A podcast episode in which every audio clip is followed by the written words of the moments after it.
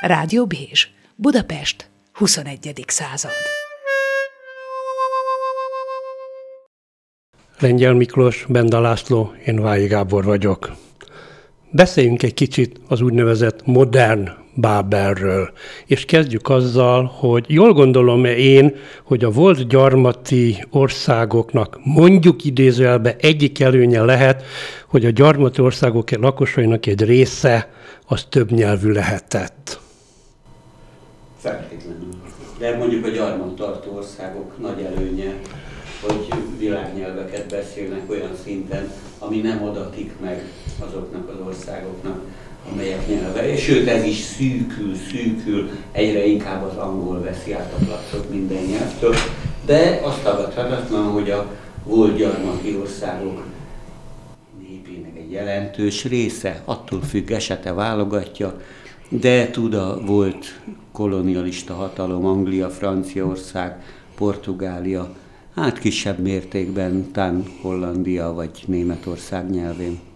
De lehet ez hátrány is, amit itt említettél uh-huh. a bevezetőben, vagy amiről Benda kolléga beszélt, Franciaországban például. Ugye nagyon sokáig ők azt gondolták, hogy egyenrangú a nyelvük az angolokéval. Már csak azért is, mert a diplomácia nyelve például nagyon sokáig a francia volt, uh-huh. Benda kolléga a dátumot is tudja, amikor egy angol lord egyszer csak angolul szólalt meg egy ilyen fő-fő diplomáciai tanácskozáson. De még a valamikor a 19. században, de hát ha jól visszaemlékszünk, ugye Tolstoy grófnak a híres regénye, a háború és béke is franciául kezdődik, tehát az arisztokrácia is kétnyelvű volt, orosz és francia nyelven társalgott egymással, de Franciaországban viszont ennek következtében nem nagyon tudtak angolul. Tehát Macron ez például... tart, Macron, ez a fiatalabb generációnál. Macron az első francia elnök, aki egy nemzetközi tanácskozáson úgy tud részt venni, ahogy ez ma már hát tulajdonképpen elvárás, hogy folyékonyan beszél angolul, megérti, amit a többiek mondanak,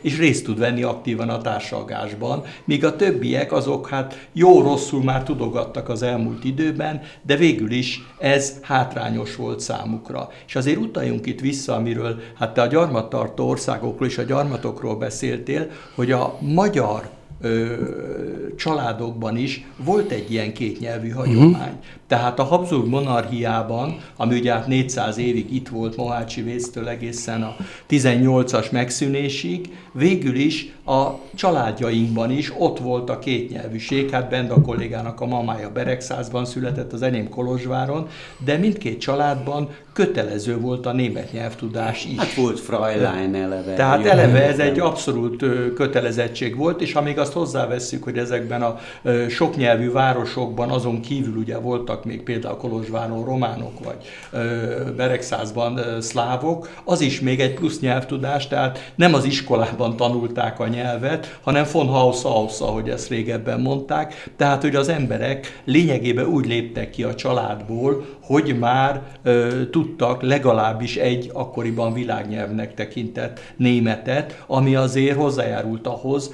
hogy be tudjanak illeszkedni a külföldi társaságban. Ne felejtsük el, hogy magyarul nem volt lefordítva se a világirodalom, se a tudomány, se más jelentős dolgok. Ez 45 óta ez a kommunizmus vívmányai közé tartozott a tömeges fordítás. Addig mindenkinek hát illet tudni németül, arról nem is beszélve, hogy például a legnagyobb magyar, Széchenyi István németül írta meg az emlékiratait, mert hát ő a naplóját is így vezette, mert hát nyilvánvalóan jobban tudott németül, mint magyarul, és hát sok más nagy ö, magyar ö, alkotóval van ez, így Lukás György is németül írta a filozófiai műveit, Bartók Béla németül levelezett a mamájával, Déri Tibor ugyanúgy, tehát ez egy nagyon is létező örökség volt, amelyet sajnos elvesztettünk.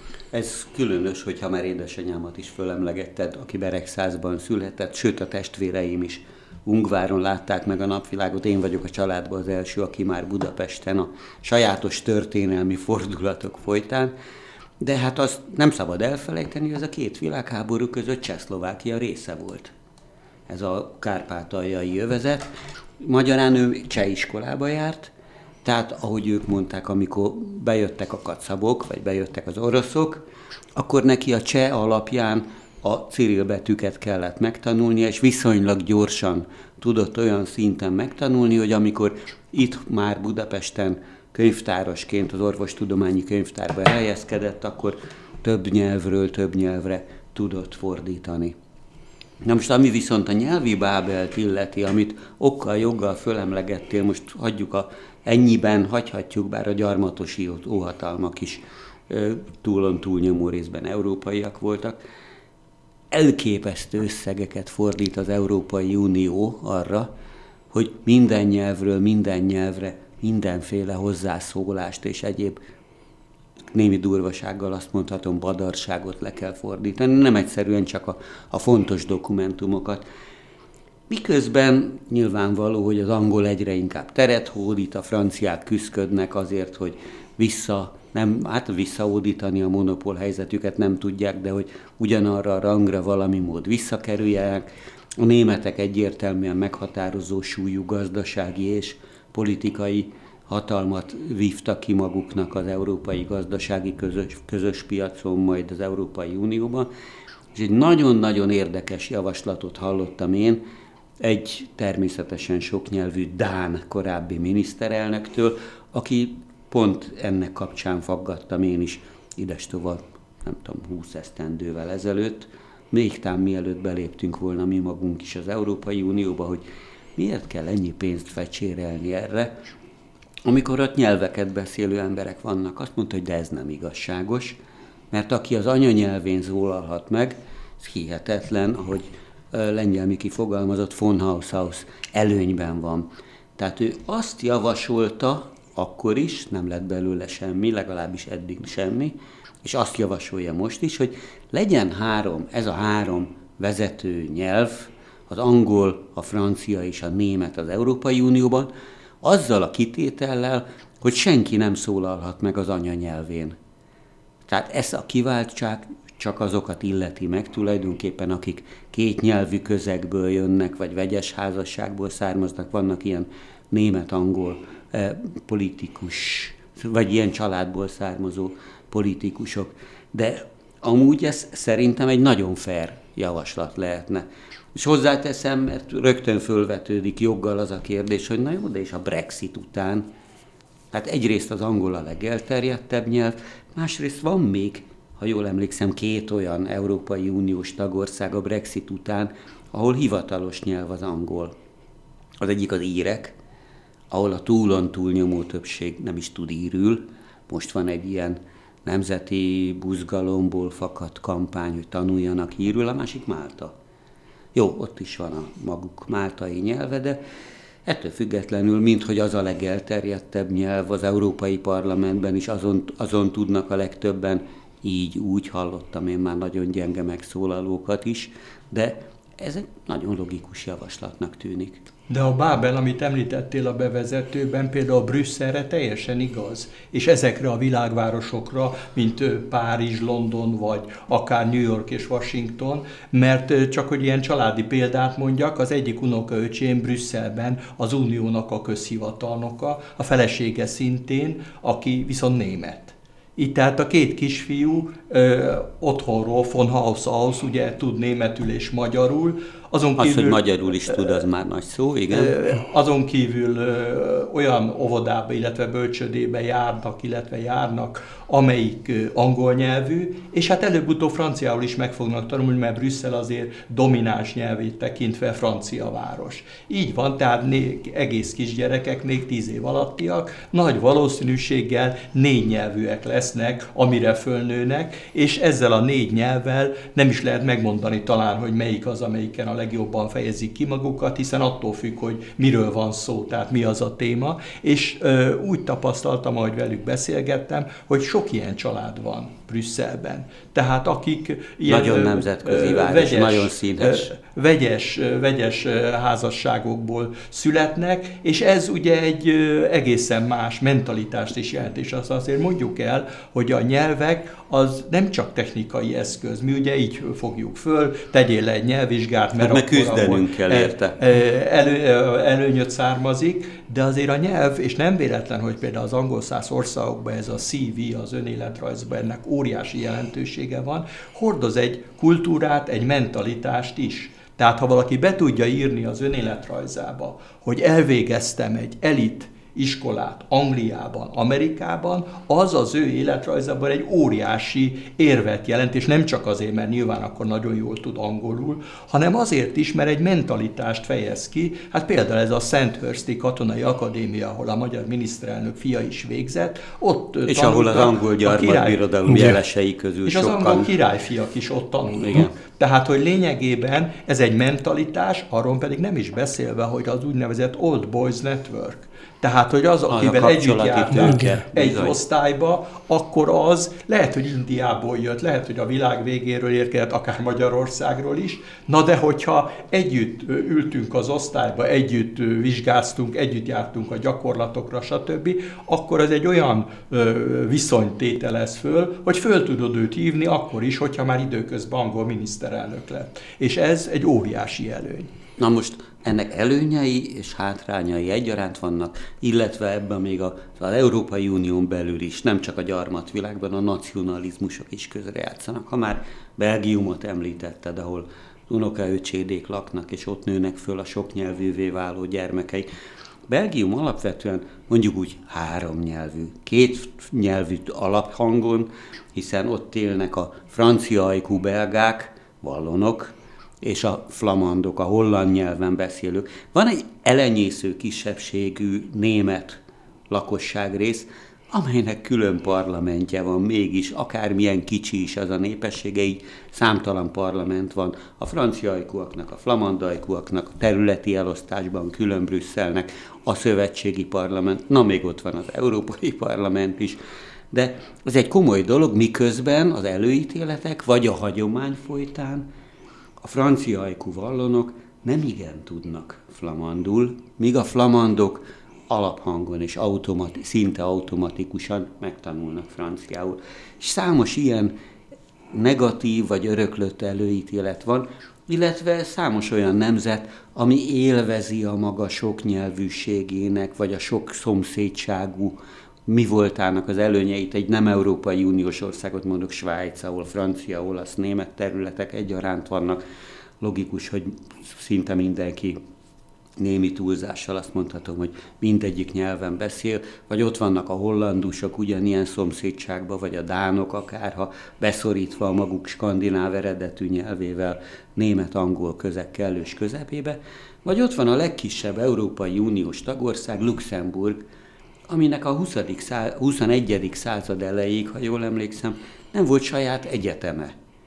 Automatikus volt, hogy egy kétnyelvű ország, franciául, németül tudtak, még a nevek is általában ezt tükrözik, egy német eredetű vezetéknév mellé egy, egy francia eredetű keresztnév, Jean-Claude Juncker, vagy mit tudom, Jacques Santer, de külföldre küldték a két nyelven már bizton tudó gyermekeiket, és ha nem Franciaországba vagy Németországba, akkor tételezzük fel angol nyelvterületre, tehát helyzeti előnyben voltak, nem véletlen, hogy az Európai Uniónak már három, vagy az Európai Bizottságnak már három luxemburgi elnöke volt. Jó, ez persze picit beugrató, mert Luxemburgban ugye az igazi nyelv az a Letzerbürg is, ami egy német árnyalat, egy helyi, igen. helyi német, Mint amelyet, amelyet ugye hát nem nagyon ért esetleg olyan német, aki az irodalmi németet ismeri csak, tehát ez egy ilyen becsapós dolog, és hát Luxemburgot ugye általában ide-oda csatolgatták régebben, hát egy nagy hercegség, és hát még legutóbb még mit Hitler Adolf is oda csatolta egyszerűen a német birodalomhoz, mondván, hogy ti németek vagytok.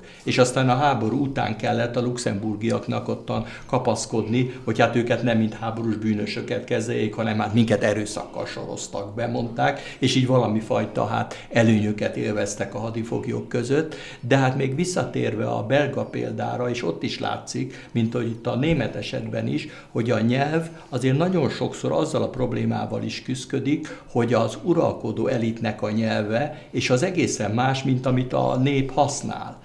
Tehát itt például a flamand vallon példa esetében, ugye az a probléma a két népcsoport között, hogy a francia nyelv az urak nyelve volt. Tehát az úri emberek beszéltek franciául, a flamand meg a pór nép nyelve. Ennek következtében még ma is óriási az ellenszem, és bent a kollégának abban teljesen igaza van, hogy a franciák nem igen tudnak flamandul, a flamandok tudnak franciául, de nem szívesen beszélnek inkább angolul beszélnek, mert nem szeretik a franciákat, és emögött a nem szeretés mögött egy kicsit olyan konfliktus van, mint az írek és az angolok között, hogy köszönjük szépen 500 évig uralkodtatok itt fölöttünk, mint különböző grófok, bárok, stb.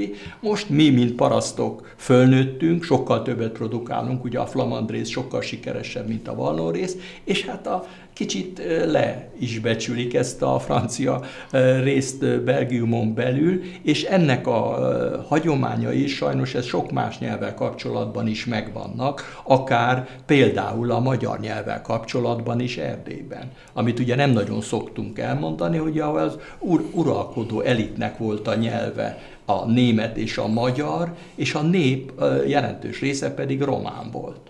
Úgyhogy nagyapám például katonatiszt volt az első világháborúban, és mondta, hogy ez komoly probléma volt a hadseregben, hogy a tisztikar németül beszélt, és a legénység pedig ő Marosvásárhelyi gyalogezredbe szolgált, a legénység pedig magyar volt, de főként román.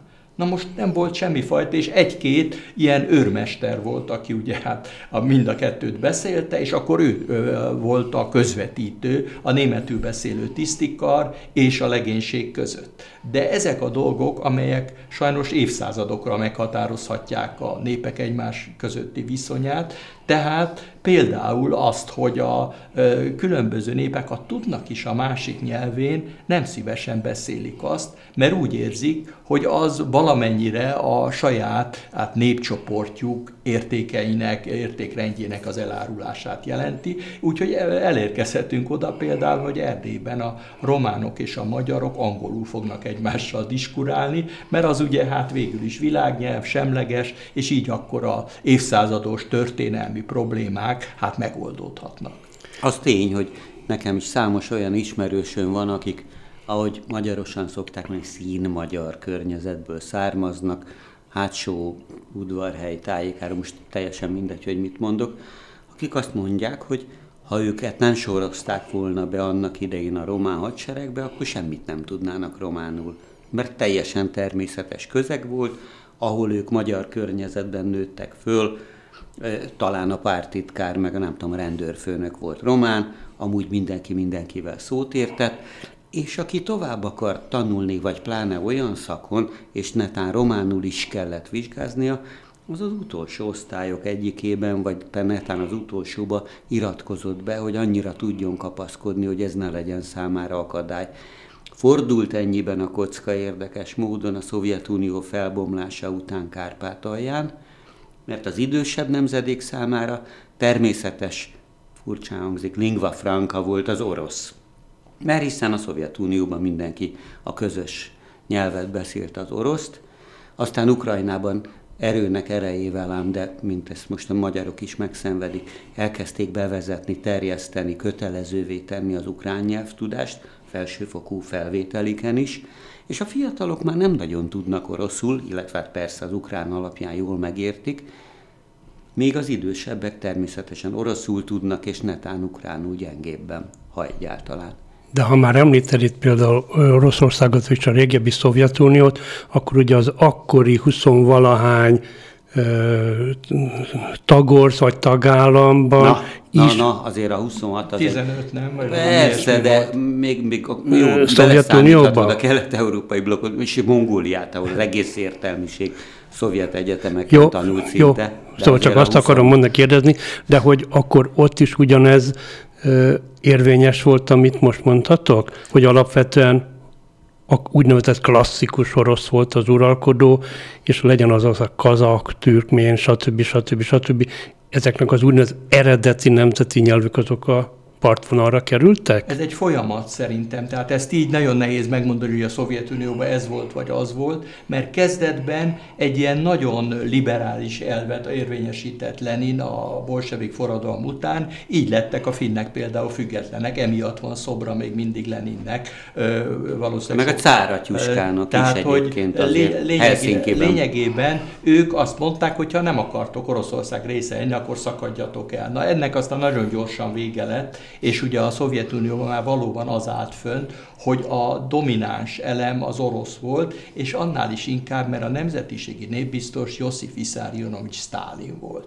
Ő ugyan grúz volt, de mint a rendszernek a tulajdonképpen megteremtője, hiszen Leninnek ugye elég gyorsan Na de Lenin nagy orosz fogmegként jellemezte. Tehát de ő igyekezett ő lényegében, a, tehát ő nem, ő, neki az orosz tanult nyelve volt, de mint birodalom alapítónak megvolt az a reflexe, mint hogy Napóleon se volt tulajdonképpen francia, hanem korzikai volt, a mamájával korzikai nyelven beszélt, ami az olasznak egy változata. De Stalin tudta, mint birodalom alapító, hogy egy egységes nyelv kell, és ez lett aztán az orosz. Tehát később ezt szisztematikusan előtérbe is állították az orosz nyelvtudást, és például kérdezted, hogy volt a nemzetiségekkel, ez is egy érdekes dolog, amennyire tudom, a muzulmán nemzetiségek kezdetben hát úgy minimális volt az írás, olvasás tudás, de arab betűkkel írtak. Arab betűkkel írtak, akkor aztán volt egy fordulat, amit már azt hiszem Stalin elvtárs rendelt el, és áttértek az európai ABC-re, mondván, latin mondván, hogy a latin betűk azok állnak legközelebb, és ez igaz is, a törökök mintájára tették ezt, mert ugye a törökök is ezt az utat járták be, de aztán rájött arra Stalin elvtárs, hogy nem olyan nagyon jó, hogyha mi embereink el tudják olvasni azt, amit a határ túloldalán írnak, mert ugye ott nem mindenki Stalin elvtársat értette a határ túloldalán. Ennek következtében gyorsan bevezették a Cyril írást. Most viszont ugyanez a folyamat, ha jól tudom, megindult vissza, visszafelé, Igen. tehát legutóbb már a kazahok is visszatértek erre az európai latin, mert macera. latin betűsre, tehát lényegében egy ezért a függetlenségüket deklarálják Moszkvával szemben, másrészt pedig állítólag ezek a török nyelvek jobban írhatók le az európai latin betűkkel, mint a ciril betűkkel, de hát valószínűleg a nemzeti öntudat megnyilvánulásáról van szó, és ilyen értelemben a sztálini koncepció bukásáról, mert ő jól látta, hogy a birodalomnak az egységes nyelv, ahogy a római birodalomnak a latin, vagy a kelet-római birodalomnak a görög, az egy nagyon fontos eleme volt, mert ez hozta össze a legkülönbözőbb nációkhoz tartozó embereket. Hát maga Sztálin állítólag igen erős grúz akcentussal beszélt oroszul, úgyhogy amikor elmondta a híres beszédét a második világháború kezdetén, hogy hát felszólította a honfitársakat, hogy hát együtt küzdjenek a náci megszállókkal szemben, akkor mindenki egy kicsit megdöbbent, mert alig értették Josif Vissarionovicsot, mert igen erős grúz akcentusa volt, és ő eltérően Hitlerrel nem volt népszónok tehát Hitlernek a szavait minden német akár szerette, akár nem szerette, jól ismerte, mert a rádióból éjjel-nappal az jött. Oroszországban nem. Stalin elvtárs nem volt nagy szónok, nem szónokolt túlságosan gyakran, és ennek következtében nem ismerték azt, a, hogy hogy beszél, és Ez egyébként Mao, Mao Zedongra is érvényes, hogyha majd később még erre a témára visszatérünk. Volna egy-két kiegészítésem, hogyha folytathatom, mert hát egyrészt nagyon komoly, a szovjetú érában nagyon komoly orosz betelepítés is volt ezekre a területekre. Ez egyébként Kínában a Han kínaiakkal szintén csak jellemző. És a nyelvi keveredés is segített idézőjelben azon túl, hogy kötelezővé tették a Cyril írásmódot, amit most túlnyomó részt visszacsinálnak. Én két vagy három olyan egykori posztszovjet köztársaság van, ahol még Cyril betűvel írnak, például a nem türk nyelven beszélő tadzsikok, akiknek perzsa vagy fárszia az eredendő anyanyelve, de azt áttérítették a, a, a Cyril betűs írásmódra. És még egy dolog, hát óriási orosz piac, hagyományos kapcsolatrendszer, rengeteg vendégmunkásuk dolgozik orosz területen, akiknek a hazautalt jövedelmei baromi fontosak ezeknek a hát olyan sarjadó félben lévő köztársaságoknak a túlélésében, vagy felemelkedésében. Tehát maradt még a kényszerből nyilvánvalóan, és nem sorvasztották el teljesen, szó nincs róla. Tehát nem miközben az orosz terültették, nem volt arról szó, hogy erőnek erejével lenyomták volna azt, hogy ki-ki azokban a tagköztársaságokban gyakorolja a saját anyanyelvét. És ez egy nagyon komoly erőfeszítést jelent. Grúziában beszélgettem egy kolléganővel, amikor ott várakoztunk épp arra, hogy hát a miniszterek tárgyalnak és az újságírók üldögének az előcsarnokba. Kiderült, hogy ő olyan örmény, aki eh, Grúziában él. És akkor mondta ez a lány, hogy de nekem négy ABC-t kellett megtanulnom mert ugye a ősi ABC az örmény, aminek az írás is egészen más, mint bármelyik más nyelvnek. Utána meg kellett tanulnom a grúzt, meg Grúziába élek, annak is egész más az ABC-je, és meg kellett tanulnom akkor az oroszt, mert az orosz a civil betű, és végül is az európai latin betűs írásmódot. Tehát négy írásmód, ami azért legyünk őszinték, nem olyan nagyon könnyű. És ez a négy nyelv eléggé különbözik is egymástól, tehát nem csak az írás szempontjából, de ez valószínűleg eléggé általános lehet ti a napotok egy részét azzal töltitek, hogy több nyelven olvastok, kommunikáltok, és, akár, és aztán mondjuk magyarul írtok például. Igen, hát ez kétségkívül egy ilyen speciális helyzet, de még térjünk vissza Stalin elvtárshoz okay. egy pillanatra. hogy Aki eredetileg Dzsugásvili volt. Dzsugásvili volt, hogy az ő rendszerébe, és hát mi is tulajdonképpen eh, logikáját tekintve ebben nőttünk még föl, a nyelveket tudó emberek egy nagyon szűk kis szekta kellett, hogy legyen. Az emberek döntő többségétől nem várták el a nyelvtudást, sőt, kifejezetten károsnak tartották. Tehát mi bent a kollégával a közgazdaság egyetemen végeztünk úgynevezett nyelv nyelvigényes szakokon, ahol feltételezték, hogy az idegen nyelvtudásra óriási szükség van, hiszen nem lehet valaki diplomata, külkereskedő, újságíró nyelvtudás nélkül. De a közgazdasági egyetem többi hallgatói minimális nyelvtudással, vagy azzal se rendelkeztek. Ez volt a múlt, és hát a, ugyanez volt például a jogászok. Ez között. a jelen is A jogászok között például Kövér Laci, ha lehet ilyen anekdotát elmondani, kim volt Párizsban, mint fiatal ellenzéki képviselő, képviselő a 90-es évek elején, és hát iszonyú zavarba volt, én próbáltam neki úgy segíteni, tulajdonképpen egyetlen nyelven sem tudott már abban azon a szinten, ahogy egy világvárosban tudni kellene, tehát hogy megértesse magát, elolvassa a feliratokat, stb. stb. Pedig hát jó eredménnyel végezte el nyilván a jogi szakot, parlamenti képviselő volt, tehát nem erről van szó, de az ő nemzedékének, amit hogy a miénknek is, csak is azok kaptak jó minőségű nyelvi képzést, akiknek ez volt a munkakörük, vagy erről lehetett majd ö, gondolni, hogy ezt fel is használják, az összes többieket, ha nem is tiltották a nyelvtudástól, de nem örült neki a rendszer. Ennek ez nem követ, igaz. Nem, ennek, nem ösztönözött a másik nyelvtanulására. Igen, de ennek... ennek nem, hogy örült, nem örült, nem volt Ennek eredményeképpen nagyon minimális volt a nyelvtudás, ami ahhoz képest, mint a szüleinkkel kapcsolatban említettünk, ahol ez pedig ilyen családi tradíció volt, hogy muszáj volt a polgár polgári családokban egy-két-három nyelvet megtanulni, hát az arisztokrata családokban pedig ugye ott tényleg az volt, amit Benda kolléga említett, hogy volt német kisasszony, francia mademoiselle, és volt Miss, aki angolul De Habsburg Otto még európai parlamenti képviselőként is a monarchia összes nyelvén meg tudott szólalni és gondolom sokan hallották magyarul, most teljesen mindegy, hogy racsolt, nem racsolt, vagyunk beszédhibásnak egy Igen. páran itt, de nagyon szépen beszélt magyarul. Igen, hát ez egy nagyon fontos és érdekes követelmény is, különben a nagyhatalmak erre rájöttek, hogy minden nép iszonyú boldog, főként a kis népek, ha az ő nyelvén megszólal egy nagy ember.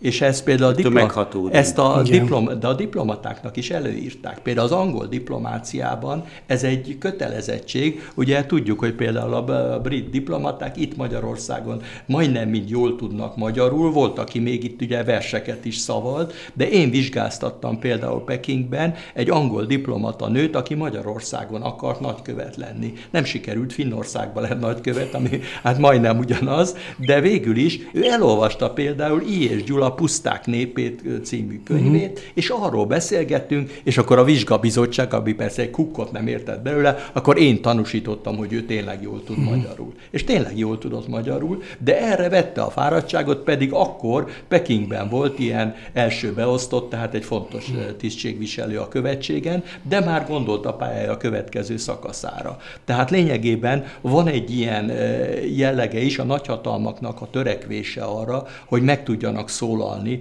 a kis népek nyelvén, vagy olyan népek Na, legalábbis nyelvén, a diplomatáig. ahol hatást akarnak gyakorolni. Tehát ez a hatásgyakorlásnak ugye az, hogy milyen nyelven szólunk hozzájuk, ez egy óriási előny. Hát gondoljuk bele, hogy Például ugye Luther Mártont azért akarták megégetni a középkori Európában, mert ő volt az első, aki németül beszélt a Bibliáról. Igen. Na most hát ez olyan dolog... És németre merte lefordítani a Bibliát. Tehát a Bibliát lefordította a népnyelvére, igen. ezt a papok árulásnak tekintették a maguk szempontjából, nem teljesen alattalanul, mert eddig ugye volt egy bizonyos monopóliumuk a megszólalásra, és ezen túlléptek azzal, hogy lényegében most már a nyelveken is meg lehet szólalni. Most egy ilyen furcsa folyamat van, amire bent a kolléga is célzott, hogy a világ a globalizáció következtében visszafele megy oda, hogy angolul folyik a kommunikáció nagyon jelentős része. Céloztál rá a kérdésedben, tulajdonképpen tényleg a napi munkában,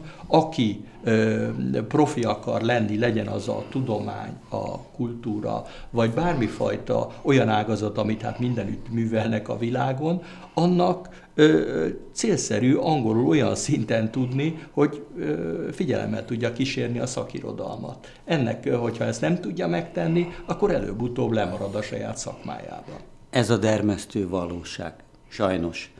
Én azt hiszem, hogy a mi nemzedékünkben, bocsánat, hogy lengyel kollégát magamhoz fiatalítom, de természetes volt, hogy az orosz kötelező volt kivéve a egyházi iskolákat, és mellette egy nyugati nyelv már a középiskolában is. Ezzel kapcsolatban érdekes élményem volt, ezt na jó, akkor epizodizálok. Fölvettek az ötvös gimnáziumba, hatalmas szerencsémre némiképp fölöttem lengyel kolléga is ott járt, nem ettől lett híres az iskolánk, és orosz tagozatra vettek föl, akár csak őt, ha jól emlékszem, és az osztály fele angolos, a másik fele latinos lett.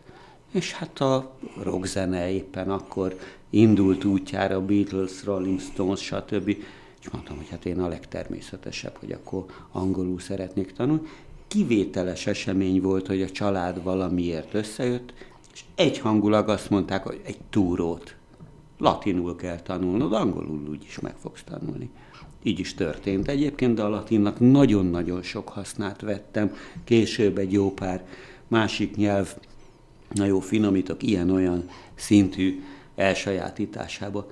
De ma dermesztően látom azt, hogy angolul mindenkinek tudnia kell valamilyen szinten az egyetemi felvételen, ugyanazon a szakon, úgy ugyanolyan szakosokat tanítottam sokáig, amíg ez a távoktatás be nem vezetődött, illetve nem vezetődött be az eltén, mint ahol én végeztem a közgázon. És a második nyelvvel már mindenkinek, kivéve a vegyes házasságból jött, vagy egy másik két tannyelvű középiskolából, súlyos gondjai voltak. És most megint azt látom, hogy megint elengedik a diplomaosztáshoz azt, hogy meglegyen az a meglehetősen alacsony szintű nyelvvizsga követelmény, ami hát szerintem elementáris volna. És olyan satnyulásokhoz is vezet ez, a, ez az angol egyeduralom, ami jó, nyilván a, a, korábban a rockzenéből, aztán a, a, az internet kultúra terjedéséből, és így tovább elterjedt, hogy ma már ebben a térségben, ebben a Kárpátok keresztútján, vagy nem tudom, a hadak útján fekvő országban is az orosz kuriózum nyelvésat nyúlt, németül egyre kevesebben tudnak, angolul mindenki így, úgy tud. Ez szerintem drámai és rossz irányú változás. És hát azt is tegyük hozzá, hogyha már itt a kulturális eh, backgroundról, a hátországról is beszéltünk, hogy régebben az a latin nyelvtudás, nekem az édesapám és a nagyapám is latin tanár volt, az ugye nem csak a nyelvet jelentette, ma az angolt ugye ilyen technikailag használja föl mindenki, hogy hát kell tudni beszélni, kell tudni olvasni, és köszönjük szépen ennyi, de nem olvassák az angol irodalmat olyan mélységbe semmiképpen se, hogy ez régen szokás volt. Ugye ők a latin kultúrát is mindig, nem tudom, hogy Benda kolléga Quintus Horatius Flaccus verseit milyen gyakran szavalja ott. Nem állítom, hogy minden nap A kis feleségének, de általában ez része volt ennek a kultúrának. Uh-huh. És például a brit parlamentben egy még a 18. század végén fölállt egy képviselő, és rosszul idézte Quintus Horatius Flaccus valamelyik versét, fölállt az egész parlament, és büszkén elszavalta, hogy így kell lesz szavalni, tehát mindenki tudta, mert mindenki Cambridge-ben vagy Oxfordban végzett, és aki ott végzett, az egy alapvető dolog volt, hogy ezt a bizonyos művet, hát nyilván egy kötelező vers volt, de ettől függetlenül ez akkoriban abszolút szokás volt, és ezért is, hogy latinul ez a legutolsó időkig még Magyarországon is tényleg része volt a középiskolai oktatásnak, és a latin nyelvű érettségi az az úriemberségnek volt egy bizonyos ilyen lépcsőfoka. De az angol és ez egy nagyon nagy változás szerintem, hogy egyáltalán nem jár a background, a, hát, a bármifajta kulturális hátországnak az ismeretével, hanem kizárólag célszerűség alapján tanulják meg az emberek, hogy kapok egy új berendezést, de csak angol nyelvű leírása van, hogy hogy tudom használni, hát akkor nyilvánvalóan megpróbálom megtanulni, mert különben nem érek az egészen semmit. De az, hogy Shakespeare költészetét alaposabban tanulmányoznák, vagy akár olvasnák a mai angol írókat, vagy amerikaiakat, ennek jóval kevesebb jele van, de hát ez egy, az, hogy egy más korszakban élünk, amikor az emberek már hát nem olvasnak például hosszú ódákat, nem olvasnak olyan hosszú könyveket, mint a Háború és béke, vagy akár az angol irodalom klasszikusait, amelyek ugye hát szintén igen terjedelmesek. 13 és fél perc a maximum a nemzetközi mérés szerint, amit egy szöveget elolvas egy átlag európai polgár. De egészen mások ma már a követelmények. Nem olvas 13 és fél percig, SMS-eket olvas, rövid híreket olvas, én nem tudom mit, nem fog Shakespeare-t, meg nem tudom miket olvasni. Miközben az a fajta memoriter oktatás, amit te az angol parlament kapcsán idéztél, vagy van, biztos vagyok benne, hogy nélkülözhetetlen valahol. Tanultam egy fél évig Moszkvában az imón, heti 12 angol, 12 német, 12 orosz óránk volt, és tolmás gyakorlat mindegyikről mindegyikre.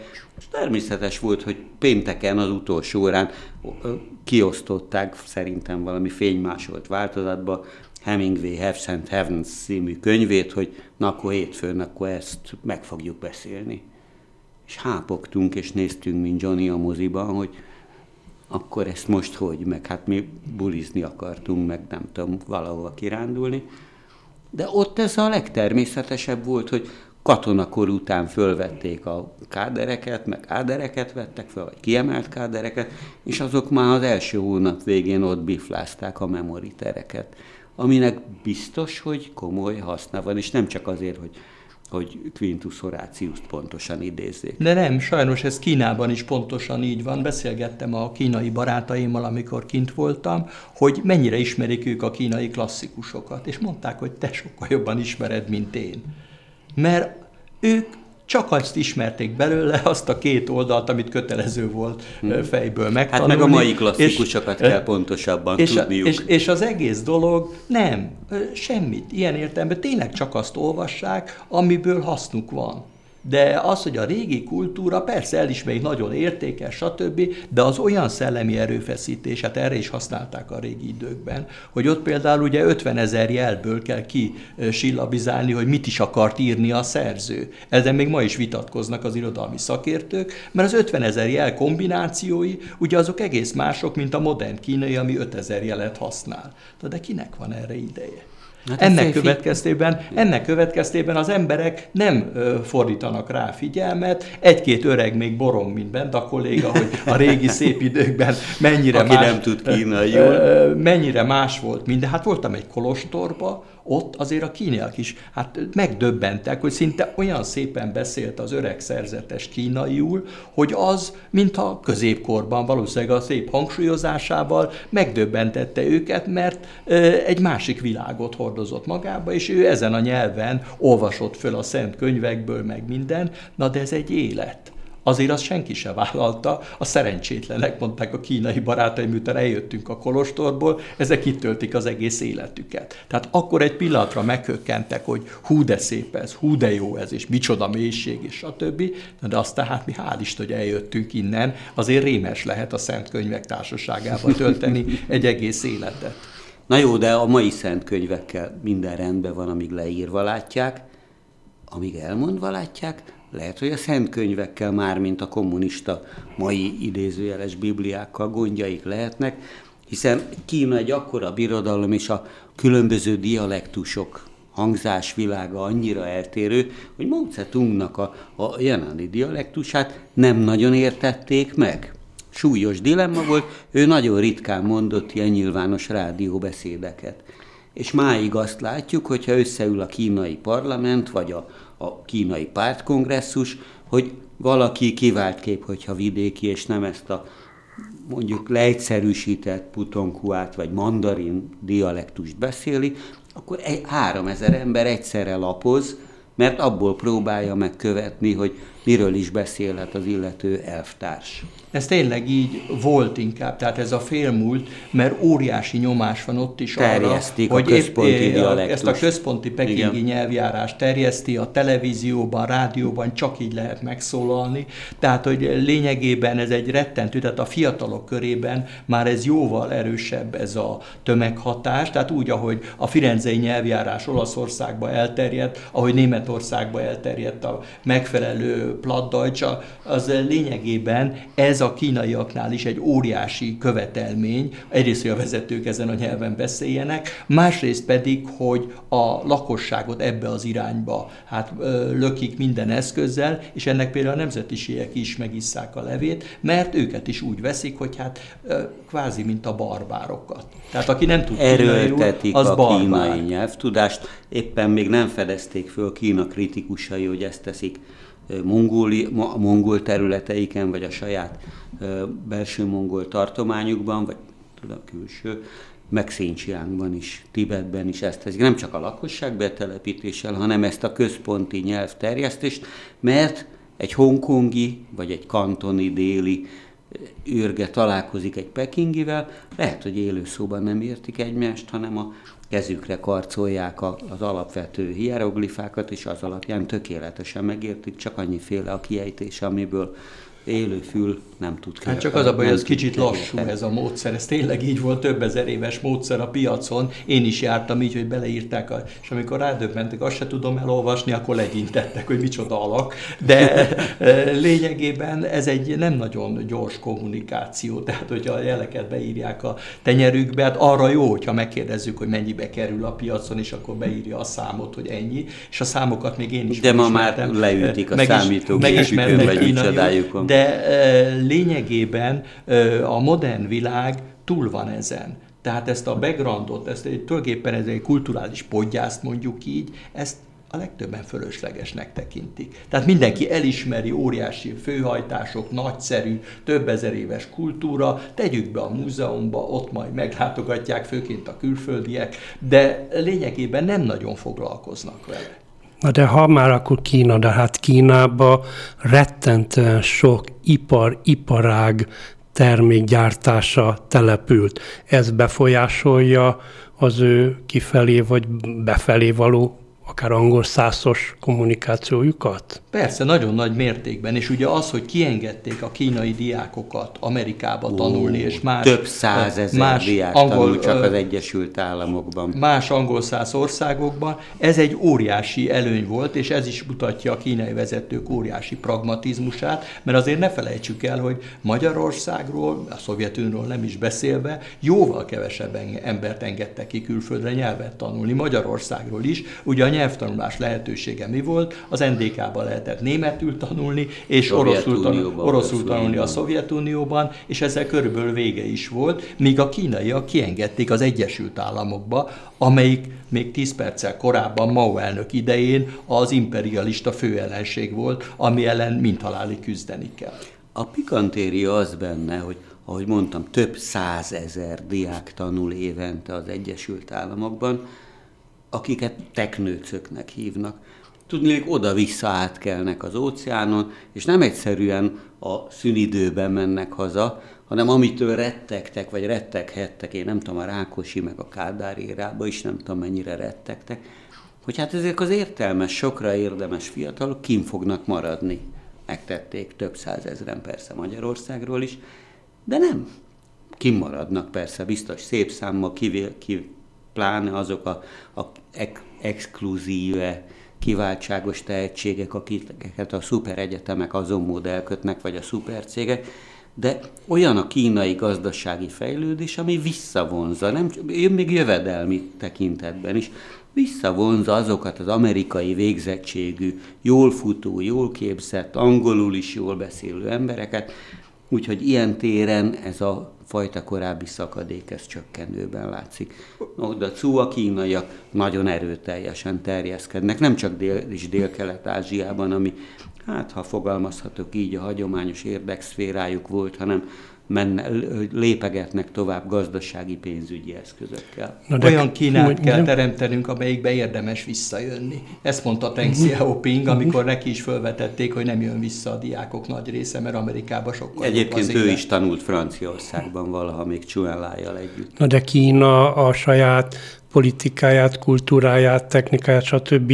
gondolom azzal a sok nyelvűséggel is igyekszik fejleszteni, és ebben sokat is kell, hogy investáljon, hogy ő megjelenjen angolul, németül, vagy másfajta idegen nyelven. Akár csak a, akár csak a a, a tömegkommunikációs eszközökre Hű, a gondolok. A legfontosabb eszközre kéne most akkor átérnünk, a kínai rádió magyar adása, aminek lengyel kolléga Voltam nagyon több. komoly szaklektora volt, de én, vagy a kínai, most uh-huh. komolyan mondom, a CCTV, a kínai, kínai központi televíziónak több nyelven van olyan uh-huh.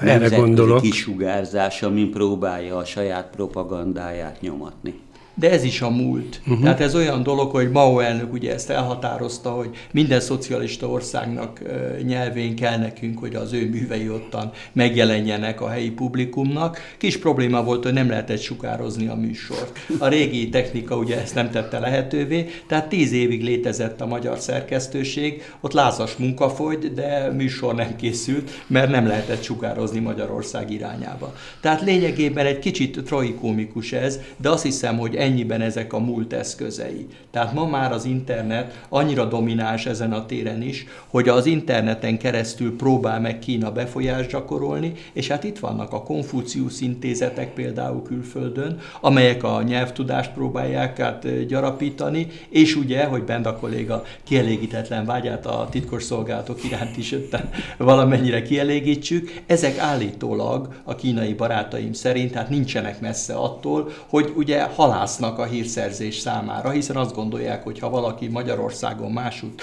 szorgosan tanul kínaiul, az, mint Kína barátja, esetleg más munkákat is szívesen elvégez. Ennek megfelelően, hát ezek alkalmat teremtenek arra, tehát ez sem újdonság vagy egyedi dolog. Minden bizonyal ugyanígy dolgoznak a British Councilban, vagy a Alliance Française-ben. Ennek a logikája teljesen nemzetközi.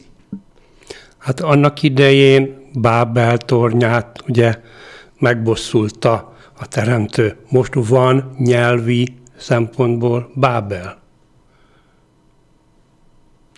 Van, de az angol kezdi fejlődni. Uh-huh. Ez az én sumázatom.